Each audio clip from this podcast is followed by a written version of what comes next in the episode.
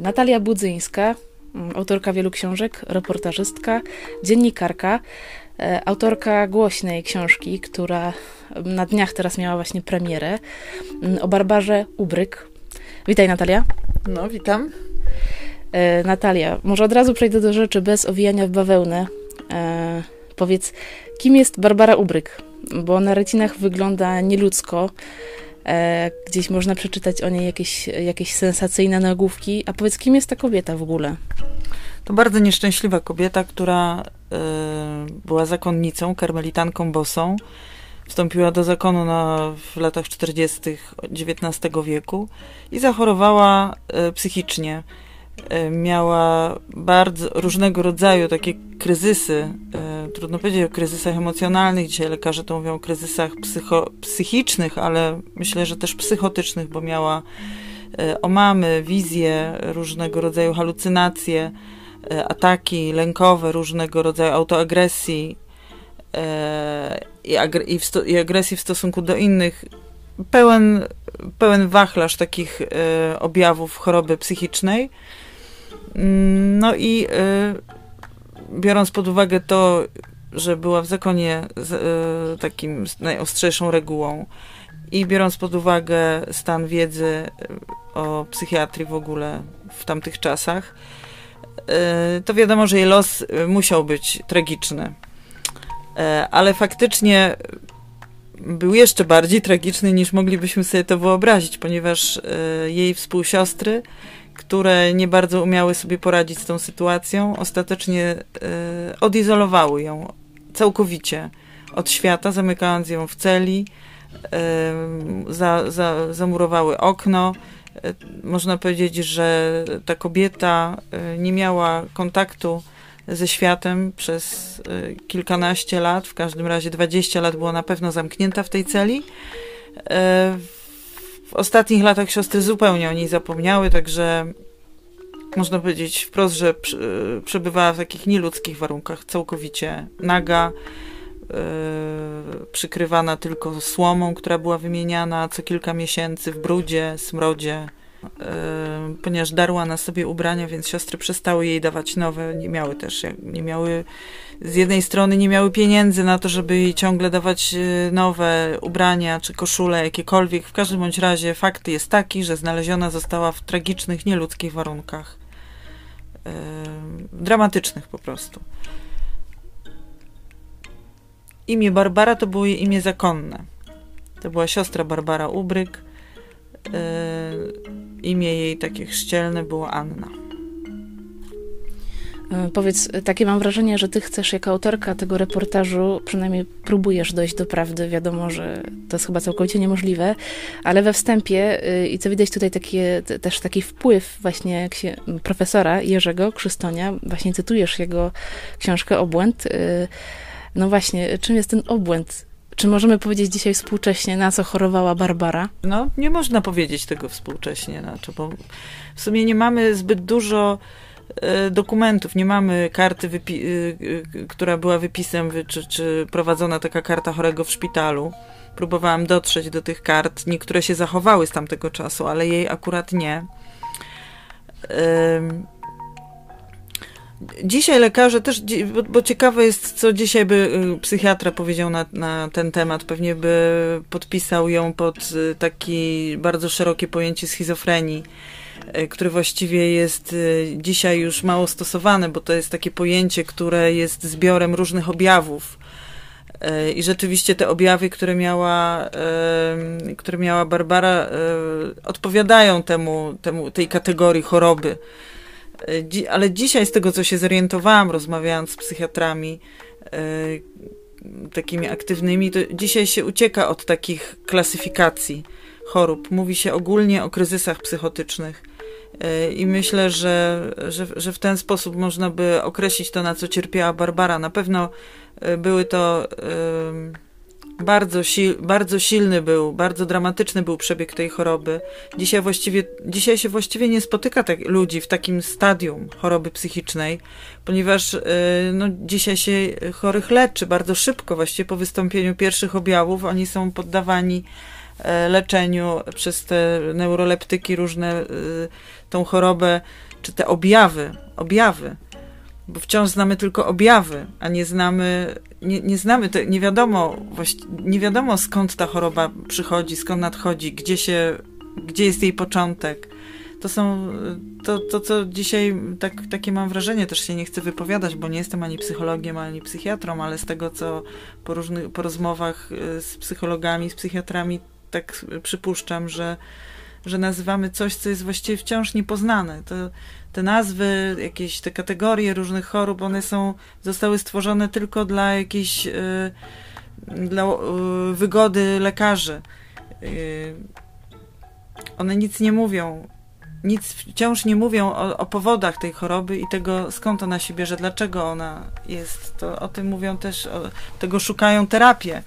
E, psychoterapie, które są prowadzone, a nie, nie, nie. No ale leki powiedzmy wyciszają chorych, tylko właściwie to nie leczą, tylko wyciszają. No więc w tamtych czasach takich leków nie było. Tam, tam, tamtejsza medycyna znała e, takie postępowanie jak e, upuszczanie krwi, przystawianie pijawek, okłady z lodowatej wody, czy, czy jakieś kąpiele w zimnej wodzie, które miały miały mieć e, środki przeczyszczające, te kąpiele, czy miały na przykład mieć e, zadanie moralne, jak oni mówią, miały moralnie e, na pacjenta e, działać. A co to znaczy moralnie? Żeby on się bał, on miał się bać.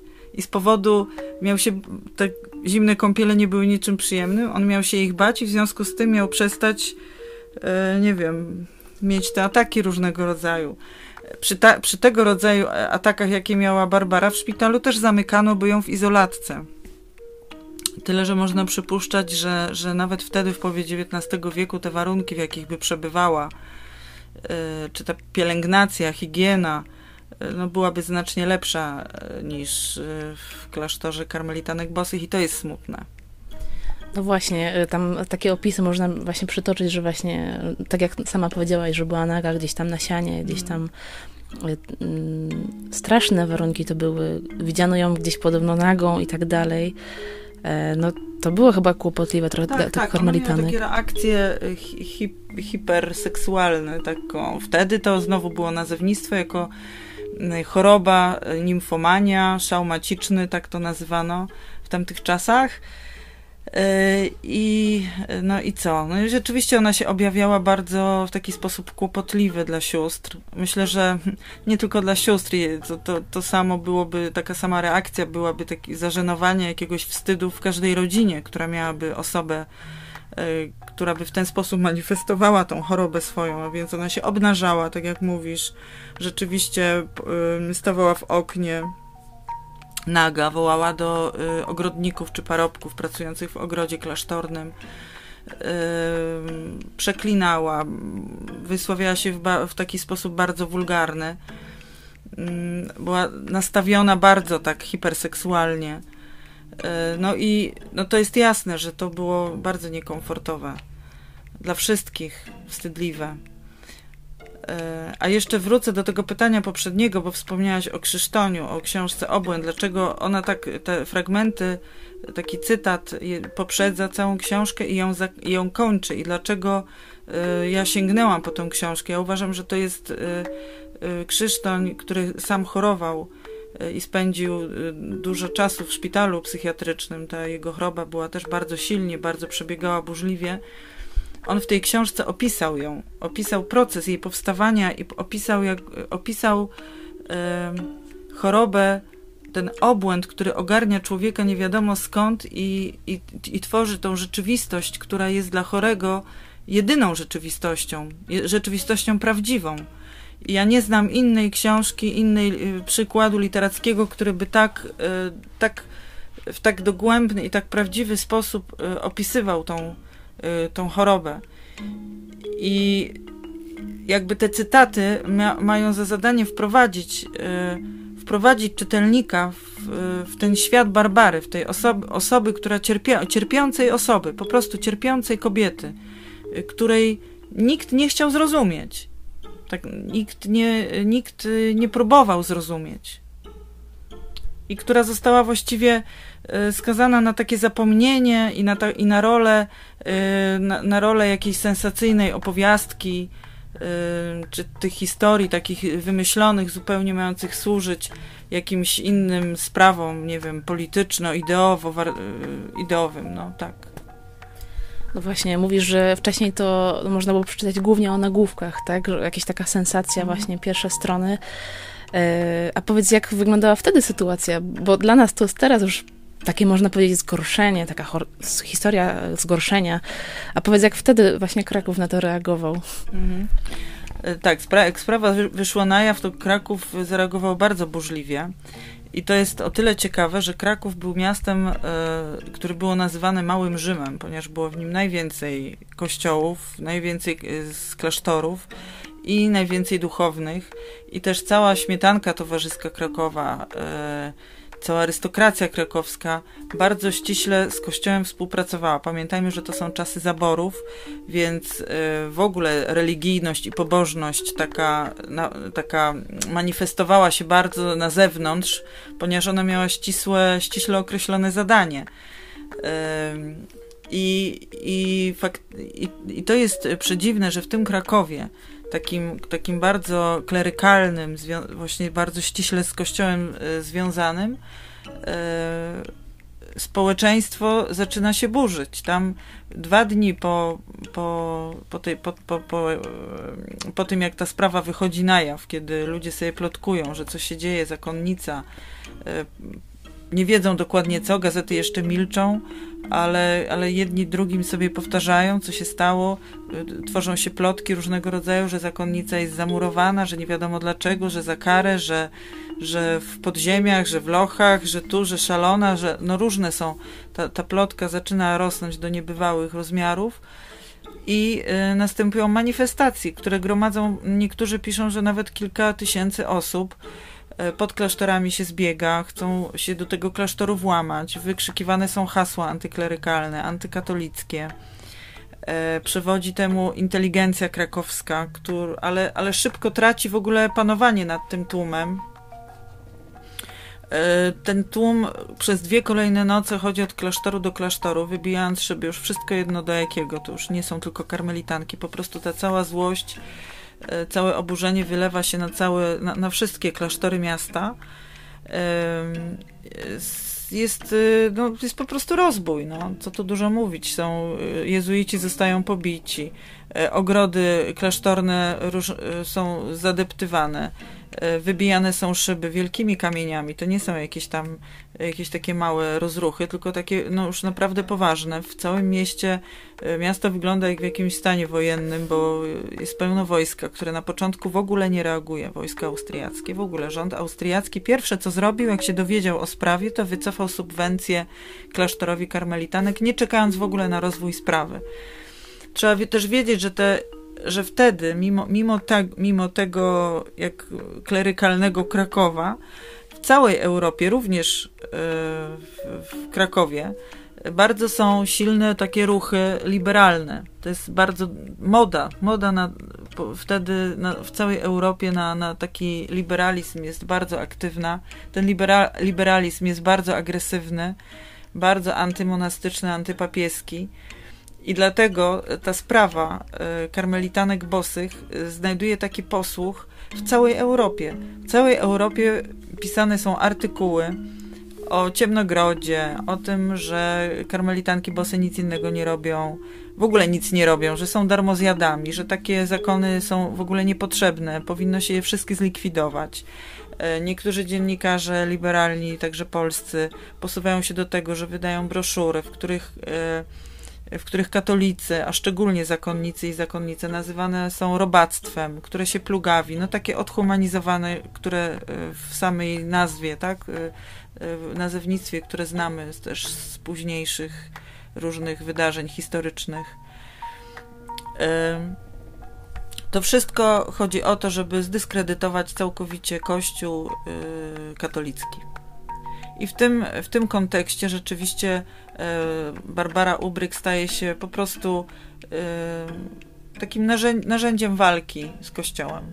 Y, powiedziałaś właśnie o tym, że, że właśnie były tłumy ludzi, jakby mało kto chciał zrozumieć, o co tak naprawdę chodziło, że każdy chciał jakbyś tam ugrać swój interes w tym. Y, powiedz, czy ty w ogóle masz jakieś takie informacje na temat tego, czy ten skandal, bo tak można to nazwać, przyczynił się do tego, że, nie wiem, sytuacja w ogóle Kościoła się zmieniła w jakiś sposób?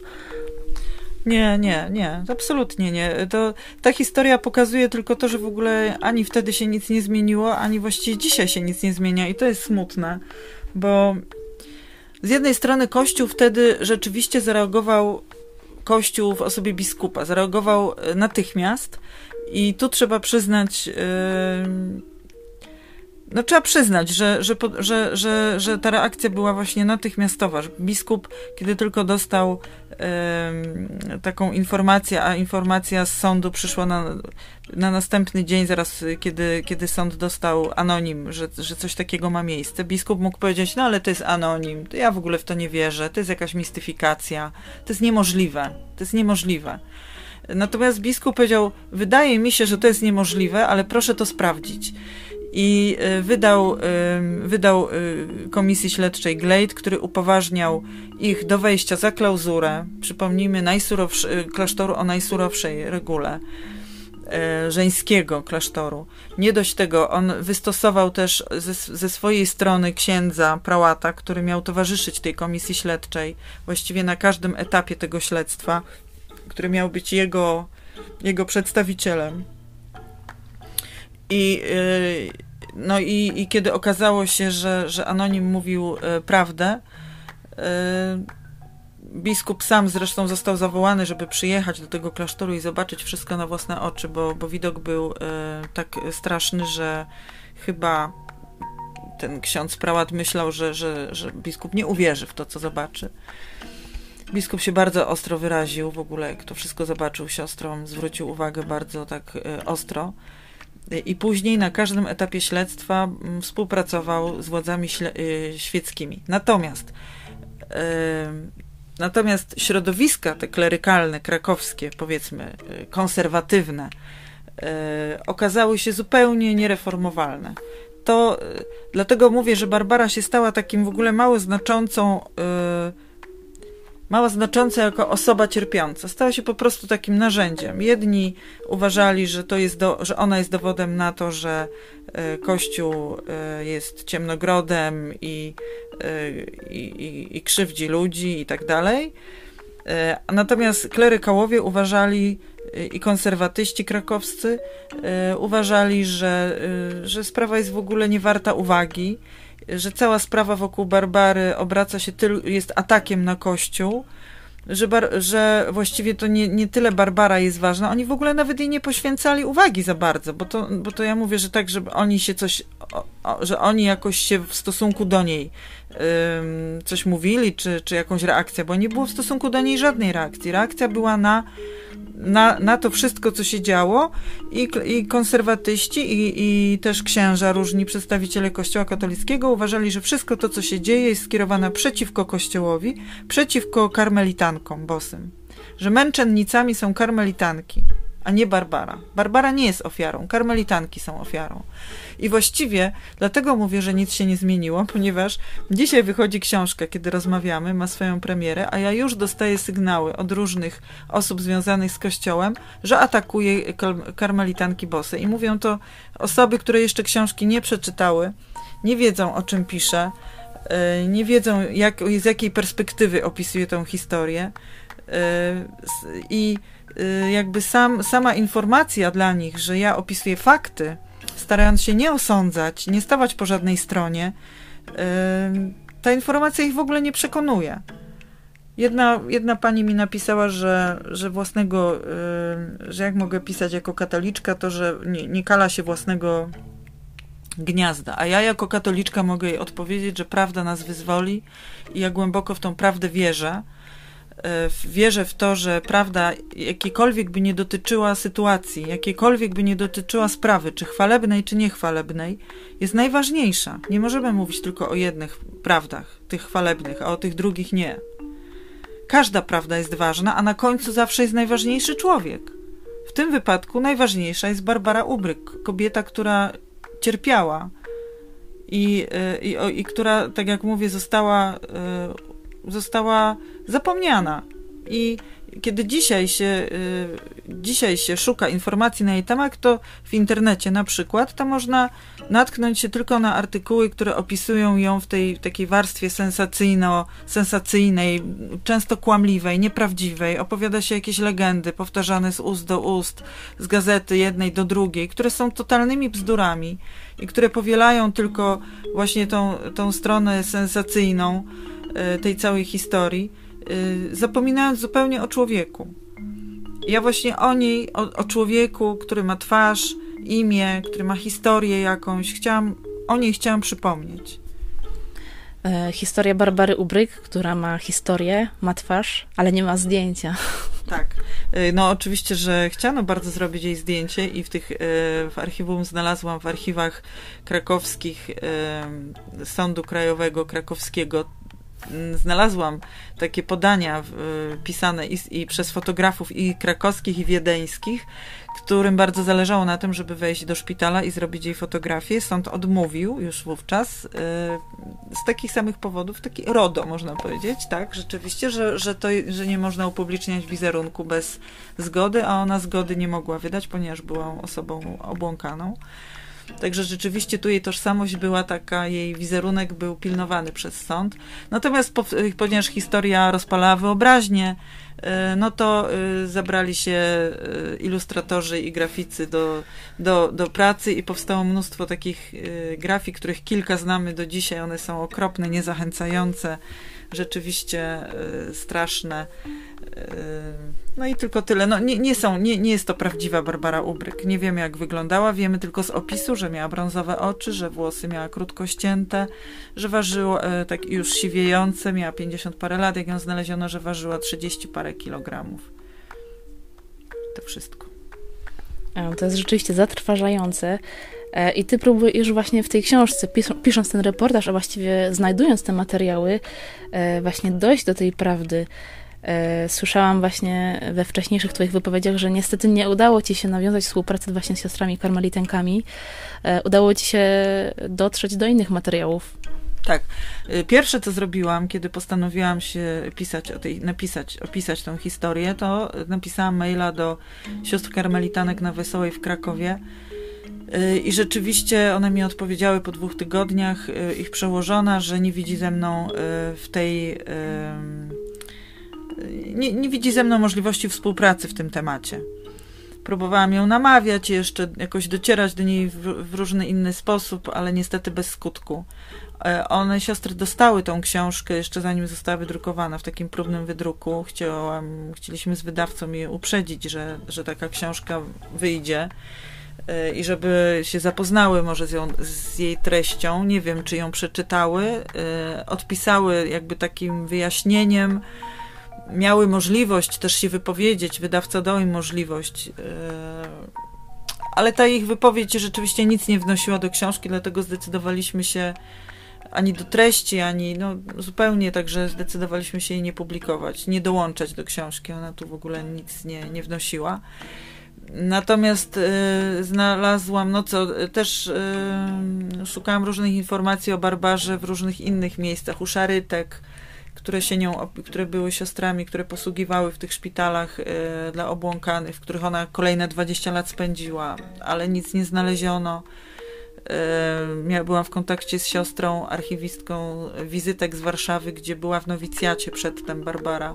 Też niestety nic nie odnalazła na jej temat. Y, natomiast znalazłam ogromnie grubą taką teczkę w Archiwum Narodowym w Krakowie, to jest teczka e, sprawy karnej, która była prowadzona. E, ta teczka zawiera mnóstwo informacji, przede wszystkim zeznania wszystkich osób, e, które były przesłuchiwane, wszystkich sióstr z tego klasztoru, spowiedników, karmelitów bosych, pracowników świeckich tego klasztoru. E, no, ogromny, ogromny materiał, y, który można powiedzieć uratował mi tą książkę, bo głównie na nim e, niestety mogę powiedzieć, bo przypuszczam, że w archiwum u karmelitanek znalazłabym wiele ciekawych materiałów. No, no, no, a tymczasem książka właśnie niestety jest ich pozbawiona. Na przykład byłam ciekawa, co mówiła Barbara w czasie przed, przed ślubami co na pewno było zapisane w, księgi, w księdze profesji, które każdy klasztor ma coś takiego. E, na przykład e, mogłam na jakieś ciekawe listy czy korespondencje. Wiem, że była prowadzona korespondencja między przełożoną e, tego klasztoru siostrą Marią Ubryk, a przełożoną klasztoru poznańskiego karmelitanek i te listy są w Krakowie u karmelitanek. E, też nie dostałam żadnej informacji może w ogóle temat. tego obrazu, w ogóle jaką była osobą Barbara Ubryk? Przecież nie była obłąkana chyba od razu. Nie, nie, ale to dużo akurat o nich opowiada, oni opowiadały te współsiostry, które w zeznaniach były pytane. E, dlatego to można było zrekonstruować trochę, jaka była, e, że była wesoła, że była miła, generalnie lubiana bardzo, choć trochę roztrzepana, nie? że to roztrzepanie e, dawało do myślenia, być może było jakimś początkiem jakichś zaburzeń osobowości. No. E, przedostatnie pytanie. Mhm. Mówisz o tych dokumentach, o tym, jak udało ci się docierać, a jak ci się nie udało docierać do pewnych źródeł, ale w ogóle skąd pomysł na tą książkę się wziął? Ja to mówię, że pomysł się wziął od brata Alberta. E, wierzę w takie różne, takie różne podpowiedzi nadprzyrodzone, bo pracowałam nad biografią brata Alberta I e, kiedy przeglądałam różne materiały zgromadzone z kolei u Albertynek w Krakowie, e, to natknęłam się na taką informację, że kiedy brat Albert szukał kandydatek do, pierw, do, do pierwszych Albertynek, nawet no myślał po prostu, myślał nie tyle o zgromadzeniu, co o kobietach, które by pomagały w takich przytuliskach dla, dla, tych, dla kobiet tych wykluczonych, to poddano mu E, pod myśl taką dziewczynę, która chodziła po Krakowie. Pochodziła z dobrej rodziny, ale chodziła po Krakowie, roz, zamieniała się ubraniami z żebraczkami, chodziła na bosaka, chciała być żebraczką, chciała być ubogą, po prostu. Zupełnie jak święty Franciszek. No i oni, ludzie, uznali ją za trochę szaloną, niespełna rozumu, bo kto normalny by tak postępował, i oddali ją do E, szpitala dla obłąkanych na obserwację. Ona później wyszła z tego szpitala i stała, została rzeczywiście, była jedną z pierwszych Albertynek. E, ale w tym szpitalu było napisane, w tym źródle, które czytałam, przebywała w pokoju ze słynną Barbarą Ubryk. W sali ze słynną Barbarą Ubryk. I tak mnie to zastanowiło, kim była ta słynna Barbara Ubryk. Wygooglowałam ją. Natknęłam się najpierw na Wikipedii na tą historię, później na te wszystkie artykuły, które powstawały, bo one od czasu do czasu są, były publikowane o niej artykuły przez lata, jakieś tam szalona zakonnica i tak dalej. Zobaczyłam y, historię, sensacyjną historię, a mnie zaciekawiła, tak jak już mówiłam wcześniej, ta jej twarz prawdziwa. No i tak zaczęłam szukać o niej różnych informacji i chciałam ją odkopać z tych mitów i legend. Zobaczyć właśnie jej prawdziwą tak. twarz, mimo że, że nigdy jej nie zobaczymy tak naprawdę. Tak. Powiedz, y, podsumowujące takie właściwe pytanie, y, choć oczywiście zachęcamy do przeczytania reportażu, ja zachęcam przynajmniej. Ja e, czy ktoś poniósł odpowiedzialność za to, co się stało? Nikt nie poniósł odpowiedzialności, zupełnie nikt. Siostry, wprawdzie przez miesiąc siostra przełożona i była przełożona sprzed 20 lat, zostały aresztowane przebywały przez miesiąc w areszcie krakowskim, później zostały zwolnione i do musiały podpisać takie zobowiązanie, że nie opuszczą, nie opuszczą klasztoru i były przesłuchiwane. E, ale po, po tych dwóch miesiącach tocze, to, toczonej, toczącej się sprawy po, po, po tych wszystkich dokumentach, które prokuratura przygotowała, y, sąd y, krajowy uznał, że rozprawy w ogóle nie będzie, ponieważ, ponieważ oni nie mogą podpisać pod, żadny para, pod żaden paragraf tych wydarzeń. No co, no bo siostry nie, nie miały wyjścia. Uznano, że, że, że siostry wykazały się jakimś nieporadnością życiową, że nie potrafiły może za bardzo za nią, o nią zadbać, e, ale zrobiły co mogły. Były w, nie, nie, mogły jej, nie mogły jej oddać do szpitala dla obłąkanych, ponieważ obowiązywała je reguła, która mówi, reguła karmelitanek, że jak już nowicjuszka wejdzie jakby za kraty, złoży te y, śluby, no to na zawsze. Także w tamtych czasach y, nie było możliwe, żeby karmelitanka była zwolniona z tych ślubów czasowo na przykład i mogła iść do szpitala. Chore pielęgnowano na miejscu, za, za kratami w klasztorze. Dzisiaj to wygląda inaczej zupełnie. No ale wtedy było jak było. One, one, tak jak mówię, sąd uznał, że się wykazały nieporadnością, także nie umiały za bardzo walczyć o siebie. To jest też sytuacja w ogóle wszystkich kobiet, myślę, większości kobiet e, w tamtych czasach, kiedy kobiety nie były przyzwyczajone do tego, że mogą o siebie zawalczyć, coś zrobić dla siebie, nie? One, one e, no nie potrafiły rzeczywiście, e, nie, po, nie potrafiły jakoś tego załatwić, ale no, no nie, nie zwalnia ich to z obowiązku pielęgnacji tej siostry i tu rzeczywiście nie, chyba nie, nie, można ich, nie można ich usprawiedliwić w żaden sposób. Ciekawe jest też to, że, że prokuratura e, składała apelacje kolejne do sądu wyższych instancji, ponieważ też uważano na przykład, że jeden argument był taki, że ponieważ była to sprawa bardzo publiczna, więc wypadałoby ją publicznie też zakończyć w jakiś sposób, nawet jeśli miałoby to być uniewinnienie. No, ale nic z tego nie wyszło. Ciekawostką jest fakt, że przewodniczącym tej komisji sądowej, która tak zadecydowała o, o tym uniewinnieniu i nie, nie wdrażaniu w ogóle sprawy y, procesu, y, był, y, była, był mężczyzna, który był krewnym tej przełożonej ówczesnej. Więc sprawa została po prostu cichaczem zamknięta. Jeszcze chcę dodać, że jest ciekawe, że nawet gazety już nawet o tym nie pisały. Nie? Że nawet były dwie gazety, które do, dość szczegółowo i dość rzetelnie przedstawiały całą sprawę przez pierwsze półtora miesiąca. To był konserwatywny czas i liberalny kraj. Ale już po tych kilku miesiącach ani jedna gazeta, ani druga w zasadzie yy, sprawą się już nie zajmowała. Były jakieś nowe pewnie wydarzenia, które zajmowały ich czas, więc Barbara po prostu umarła w, jak, w jakimś całkowitym zapomnieniu. Nie interesował się już ją nikt, mimo że nawet jeszcze na początku XX wieku w niektórych krajach, na przykład we Włoszech, wystawiano sztuki e, teatralne w jakichś podrzędnych teatrach e, oparte na jej tak zwanym prawdziwym życiu, czyli tym, tych, tych legendach tworzonych na bieżąco. A ty chciałaś oddać jej głos, choć jej głosu ani jej słów chyba nie ma prawie żadnych tutaj tak. w tej książce. Tak. E, Natalia, bardzo tobie dziękuję za tą krótką rozmowę.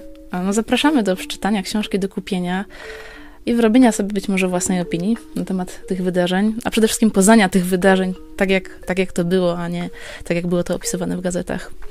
Bardzo Tobie dziękuję. Dziękuję również. Zapraszam do kupienia książki.